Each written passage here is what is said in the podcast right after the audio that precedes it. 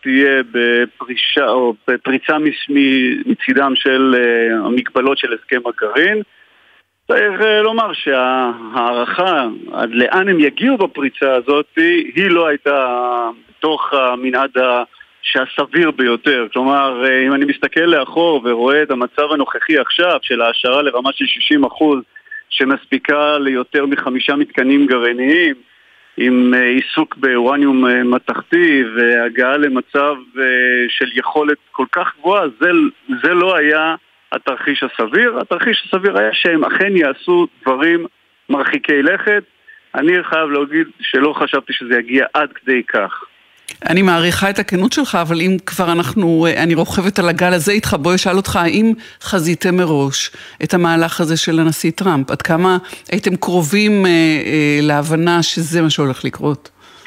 המהלך הזה היה מהלך אמריקאי עצמאי שהיה חלק מהבטחות הבחירות של אה, הנשיא טראמפ. אנחנו בשעתו, גם כל הקהילה עצמה התנגדה לאופן ההסכם כפי שהוא סוכם ב-2015, משום ש... חשבנו בשעתו שאיראן מצויה במצב כל כך חמור וכל כך קשה והשאיפה שלה להגיע להסכם יכולה להביא אותנו להסכם טוב יותר.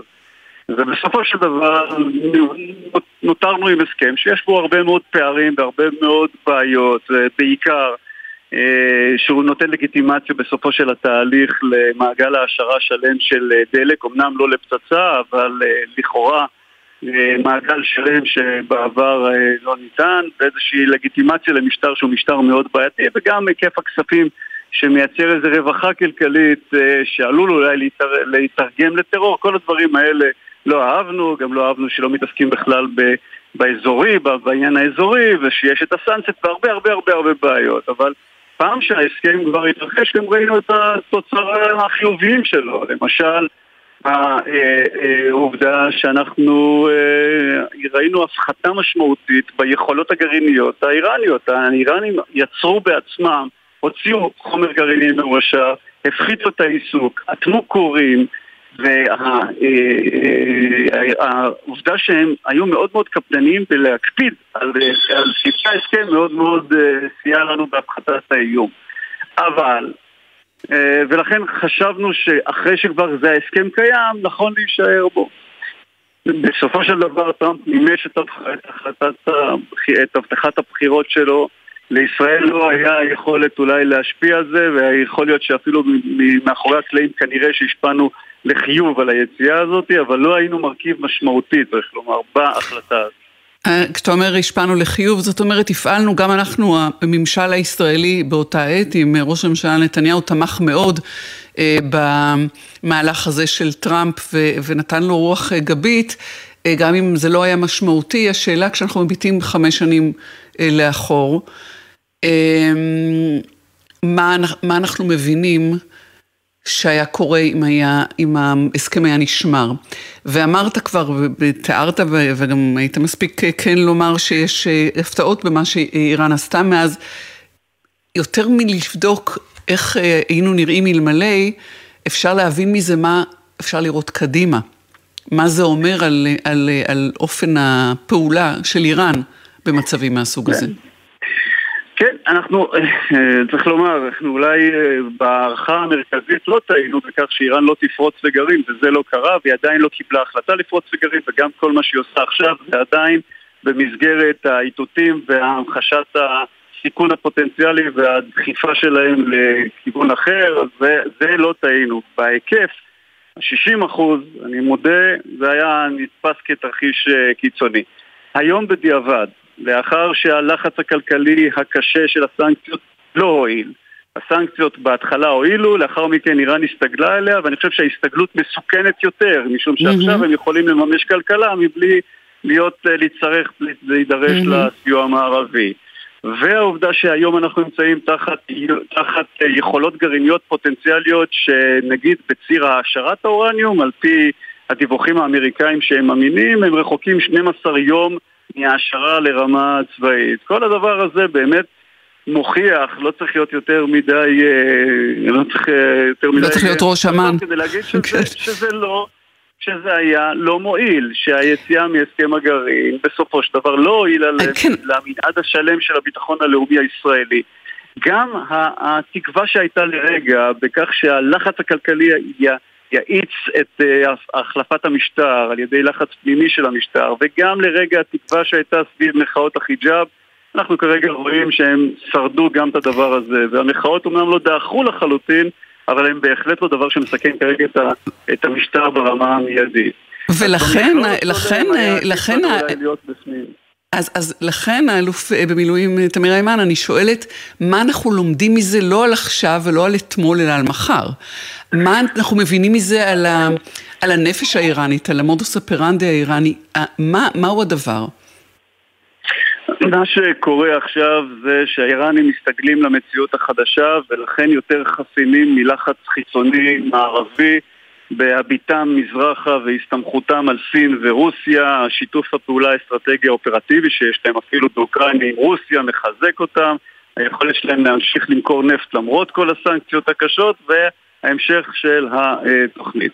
לכן מה שאנחנו צריכים ללמוד זה שהאסטרטגיה שהייתה כולה התנגדות להסכם הגרעין, בידוד מדיני ולחץ כלכלי לא עבדה עד כה. ואנחנו צריכים אסטרטגיה חדשה, אנחנו צריכים לשנות את המצב. כי אם אנחנו נמשיך עכשיו בהתפתחות כפי שהיא כרגע אנחנו נגיע למצבים מאוד מאוד מסוכנים ואנחנו קרובים אליהם.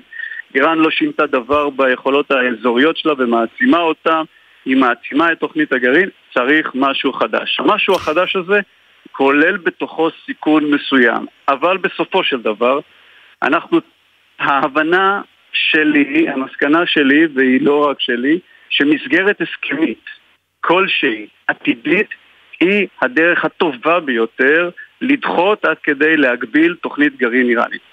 הבעיה היא שהמנהיג לא בטוח שירצה ללכת עכשיו לתוכנית גרעינית והשאלה היא איך דוחפים אותו לשם אחרי שבעבר הוא הלך ולמרות שהוא הלך וכאילו מה שהוא קרא שתה את כוס התרעלה אה, המערב רימה אותו ויצא מהסכם הגרעין ולכן הוא עכשיו מחפש ביטחונות שגם נשיא עתידי, לו יחזור, לא ייסוג מהסכם הגרעין. נורא נורא קשה יהיה לעשות את זה.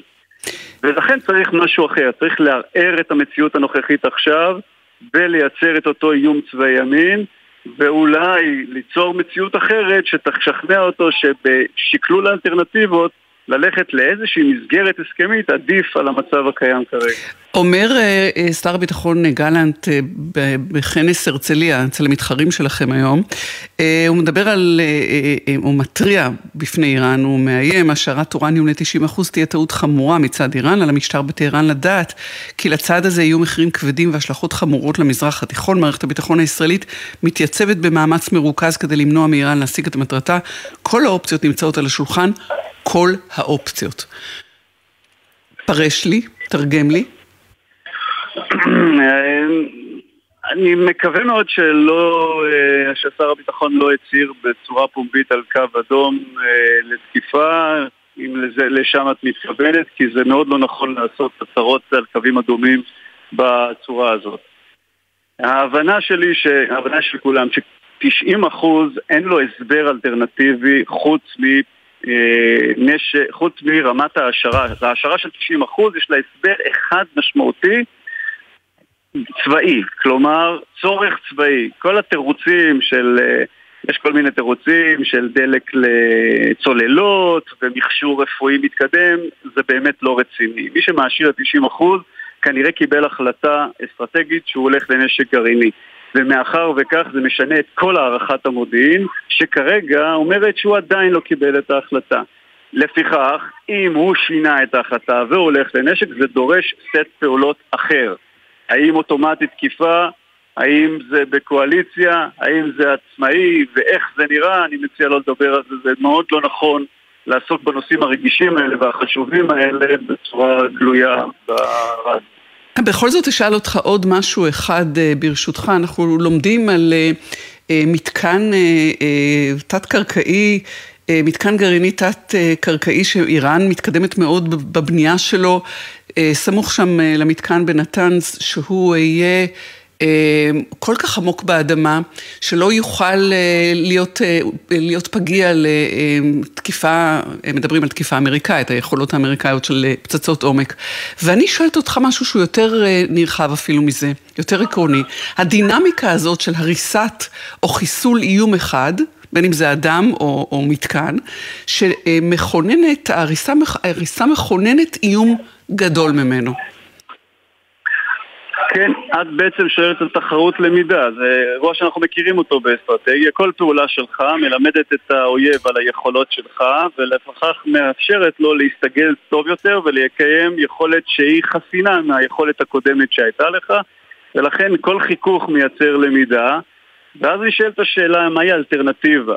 האלטרנטיבה היא לא להתחכך לחלוטין ולשבת מנגד, או לשמור בשרוול אה, הפתעות שהלמידה שלו מוליכה אותו למסקנות שליליות. אני חושב שהגישה השנייה היא נכונה. כלומר, מה שאתה מייצר, מייצר למידה מסוימת, אבל אתה עדיין שומר בשרוול את הקלפים mm-hmm. החזקים שלך, שלו האויב למד את מה שהוא למד בעבר, זה יוליך אותו לתוך אה, מלכודת עתידית, שבה הוא יופתע מצבית, או יופתע אפילו יותר מכך, מהמקום שאליו אתה הולך. לכן להסיק מסקנות אה, נרחבות לגבי מה שאנחנו ראינו אה, לא כדאי, אני מניח שזה מה שהאיראנים עושים כרגע. אה, מתקנים, לכל מתקן באשר הוא יש תורפות ויכולות לא מפורסמות ביכולות צבאיות לא, זה, זה לא הדבר שקוראים אותו בעיתון ג'יימס, כאשר זה נוגע לדברים כאלה משמעותיים. נסתפק בזה. אלוף במילואים תמיר היימן, מנהל המכון למחקרי ביטחון לאומי, ה-INSS לשעבר, רוב שמן, תודה על השיחה הזאת, שלום. לא דבר, שלום.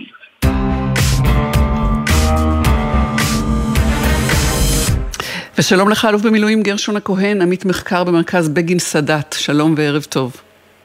שלום, ערב טוב.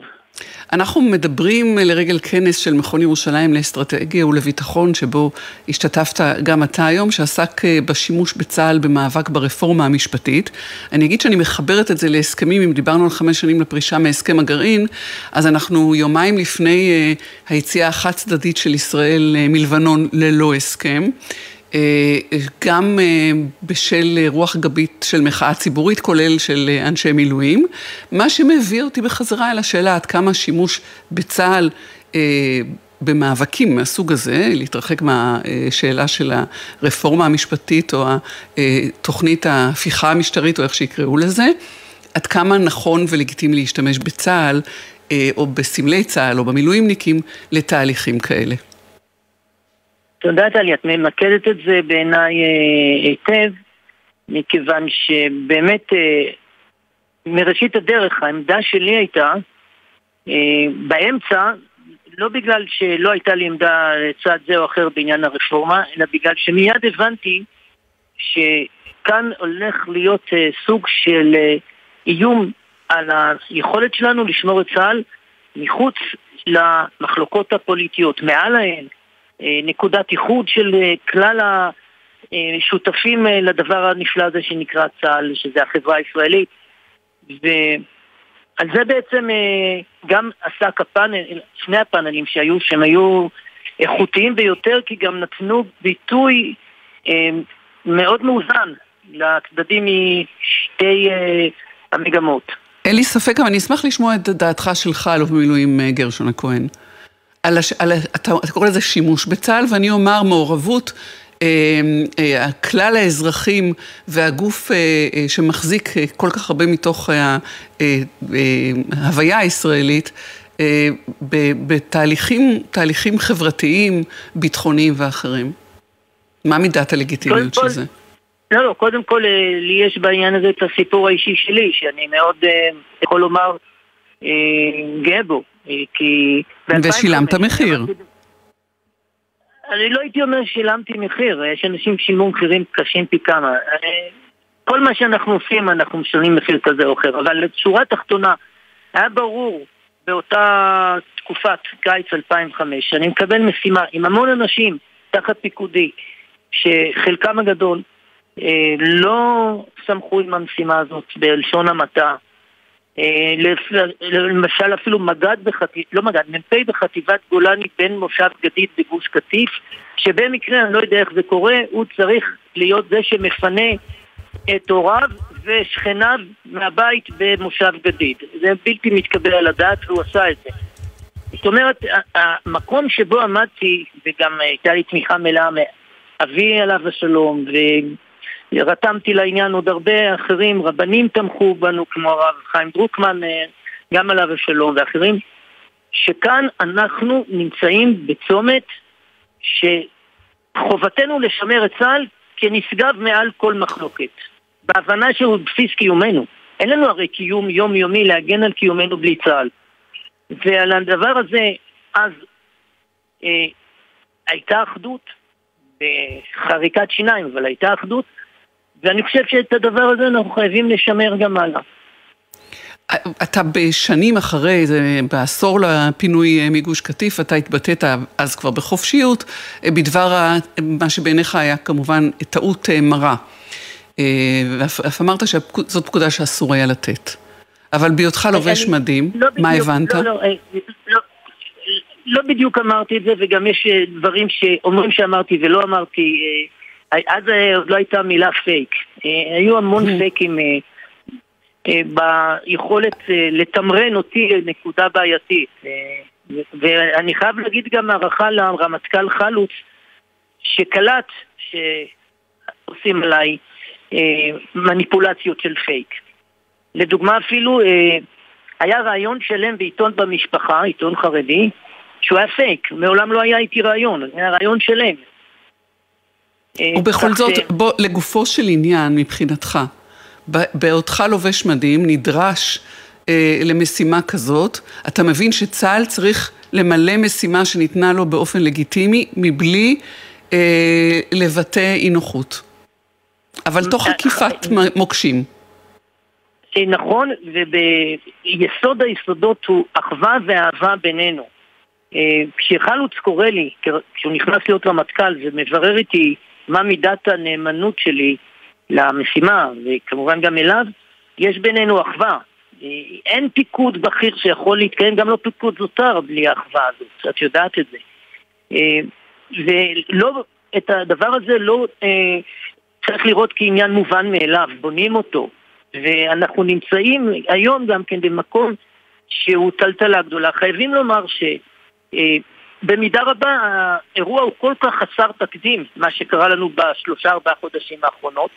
האחרונים, שגם מערכת המושגים מהעבר לא יכולה להסביר לנו מה בדיוק קרה. אני גם חושב שבמידה רבה אה, לא רק אה, הממשלה, או אפילו גורמים במטה הכללי, היו בסוג של אה, רגע של הלם, כי זה באמת אירוע חסר תקדים, גם לא דומה לדברים קשים שהיו לנו ב-82 עם ההסתייגות מהמלחמה. אה, ואנחנו צריכים להתמודד ולעבור את זה, ואני מאמין שהרמטכ"ל, אני גם אה, שמעתי אותו ושוחחתי איתו, אה, הרמטכ"ל של היום, הרצי הלוי, מבין כן. שזה אירוע שהמטה הכללי חייב לקחת אותו לתשומת לב ולבנות מחדש את האדיקות, זאת אומרת, להדק מחדש את השורות ולהבין שאנחנו לא על תנאי, אחד בא למשימה הזאת והשני בא למשימה האחרת. אלוף במילואים, גרשון הכהן, עמית מחקר במרכז בגין סאדאת, כתמיד, לעונג לי לדבר איתך. תודה. תודה, תודה, תודה רבה. שלום לך.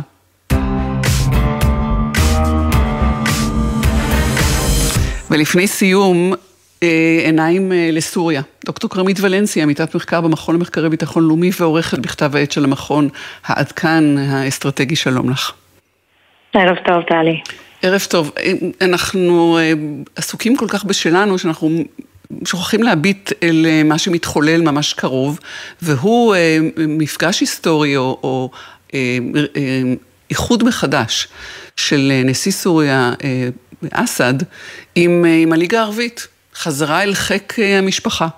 הגיע לג'דה, דיבר בכינוס הליגה הערבית, זה מתיישב עם, עם אה, שינויים שמתחוללים, הם קצת איטיים, אבל הם בסופו של דבר עשויים לייצב תמונת מציאות חדשה.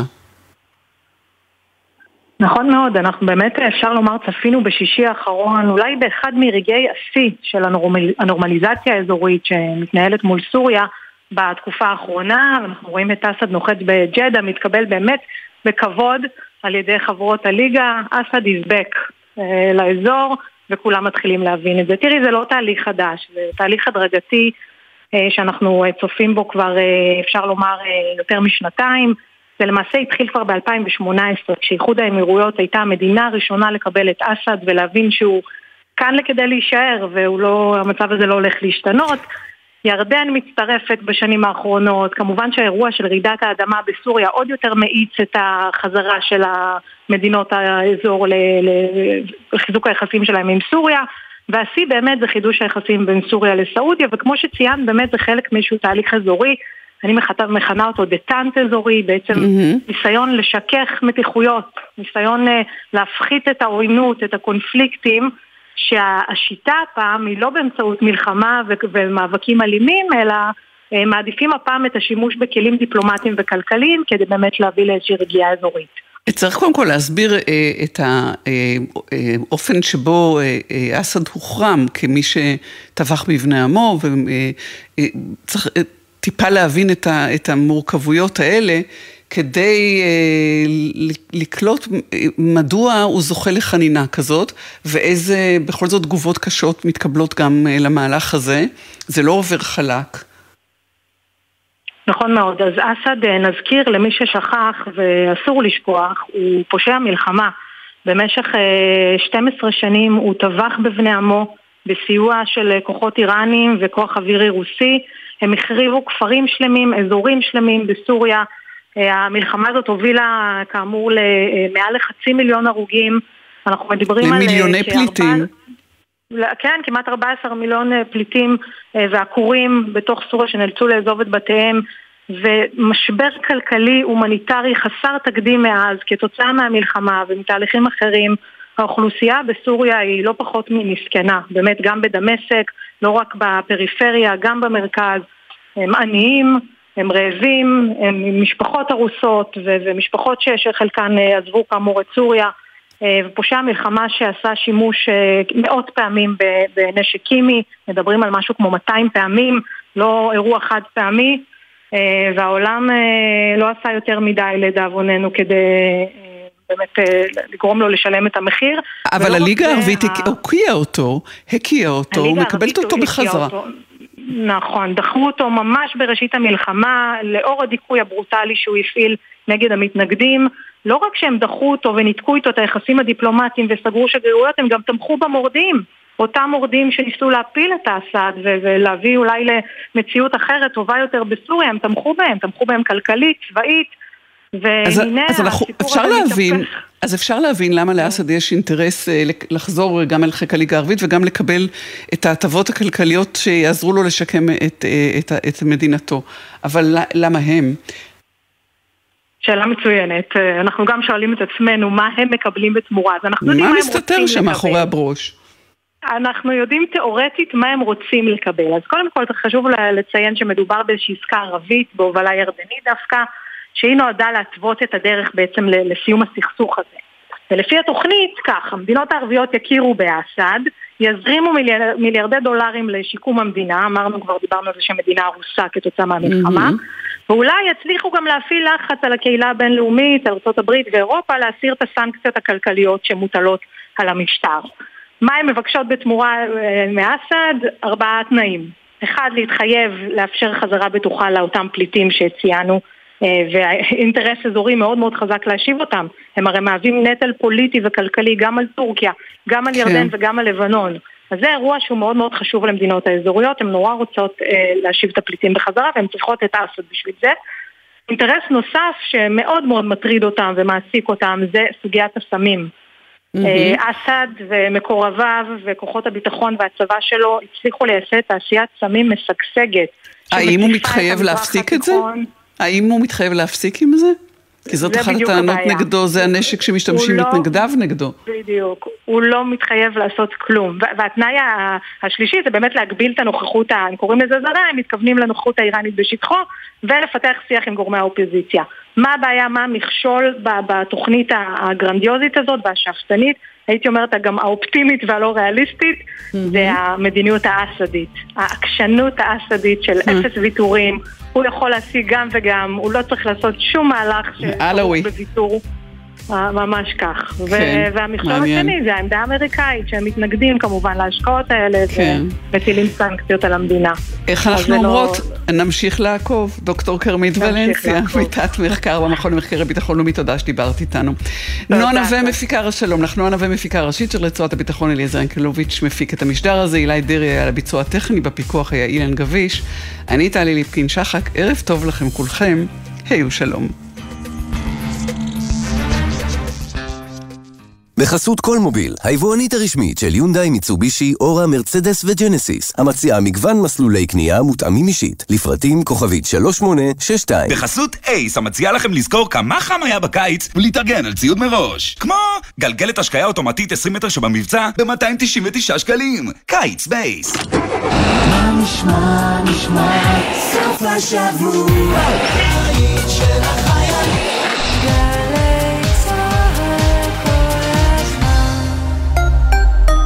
קיה במבצע לעמיתי מועדון חבר, נירו החדש, סלטוס החדש, ספורטאז', פיקנטו ויתר דגמי קיה, עכשיו בתנאים בלעדיים לעמיתי מועדון חבר. עד שישה ביוני, לפרטים כוכבי 9920 או באתר מועדון חבר. חבר זה הכל בשבילך,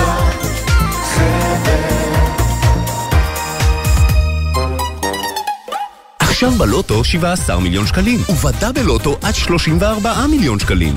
ימבה! המכירה אסורה למי שטרם מלאו לו 18. אזהרה, הימורים עלולים להיות ממכרים. הזכייה תלויה במזל בלבד. עמותת חיל התותחנים מזמינה את לוחמי חיל התותחנים ומפקדיו לדורותיהם לעצרת 50 שנה של אש בסימן יובל למלחמת יום הכיפורים. בי"ג בתמוז, 2 ביולי, אמפיתיאטרון בריכת הסולטן, ירושלים. בתוכנית תערוכת אמצעי לחימה, מפגש לוחמים, עצרת ומופע של בניה ברבי. להרשמה התקשרו התקשרו 04-639-6573 גמר גביע המדינה בכדורגל בגלי צה"ל ביתר ירושלים או מכבי נתניה, מי תניף את הגביע הנחשף? עידן קבלר, משה זמוש, אלי יני ויונתן גריל ברגעים הגדולים של הקרב על התואר. מחר, שמונה ועשרים בערב, שידור חי מאיצטדיון סמי עופר בחיפה בגלי צה"ל. ומלא הרדיו תוכניות. חוגגים שבועות בגלי צה"ל. בחמישי, ערב וחג בשש, טליה בנון צור עם ביקורי התרבות של השנה. בשישי, חג השבועות בתשע בבוקר. שידור המופע של ירדן ודידי עם אלונו לארצ'יק מפסטיבל חלב ודבש. וב-12, ענבל גזית ויהודה עדר בשיחות עם אומנים בולטים על תחילת דרכם. חג קציר שמח מגלי צה"ל. עכשיו בגלי צה"ל, המהדורה המרכזית של חדשות 13.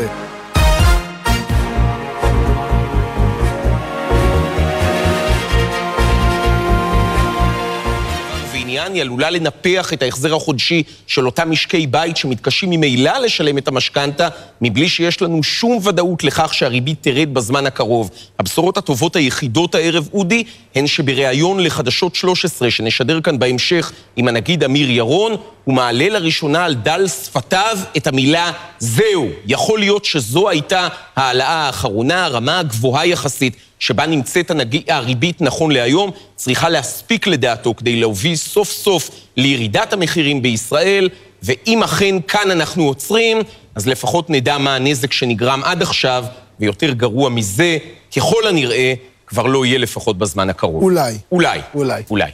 מענק אה, בסך כ-2,500 שקלים לכל אברך, זה מה שהסכים היום נתניהו לשלם במזומן כדי להסיר את האיום של גולדקנופ להתנגד לתקציב. מאין הכסף? בהסכם שמעורר לא מעט סימני שאלה נקבע שהסכום יגיע מכספים קואליציוניים שלא ימומשו. אבל לא ברור אם כאלה יהיו בכלל. הדיווח של כתבתנו בכנסת ליאור קינן. סדר היום, הצעות חוק התקציב... בזמן שהדיון באישור התקציב הסופי כבר החל הבוקר במליאה, ראש הממשלה דאג לקנות גם את אצבעותיהם של חברי מפלגתו של גולדקנופ. התקציב הזה מעניק בשנת 2024 לרשת מעיין החינוך התורני של ש"ס 240 מיליון שקלים, ולחינוך העצמאי של יהדות התורה 460 מיליון שקלים, כאשר החינוך הממלכתי והממלכתי הדתי מקבל, שימו לב, אפס שקלים. תג המחיר שהוצמד להישרדותה של הממשלה הוא מענק חד פעמי בסך כ-2,500 שקלים לכל אברך. גולדקנופ לא הסתפק בהעלאה הנדיבה בקצבאות האברכים מחודש יוני מ-680 שקלים ל-1,173 שקלים, והמענק אמור לפצות רטרואקטיבית כ-100 אלף אברכים על החצי הראשון של השנה. אתה לא יכול להביא את התחושות הלא נוחות של למה האברכים מגיע להם עוד כסף, לא לסטודנטים, לא לאנשים שבמעמד דומה? אתה יודע, לא שמו לב, אבל יש סכום לא פחות דומה לסיוע להורים בשכר לימוד בחינוך הכללי, לא בחינוך החרדי.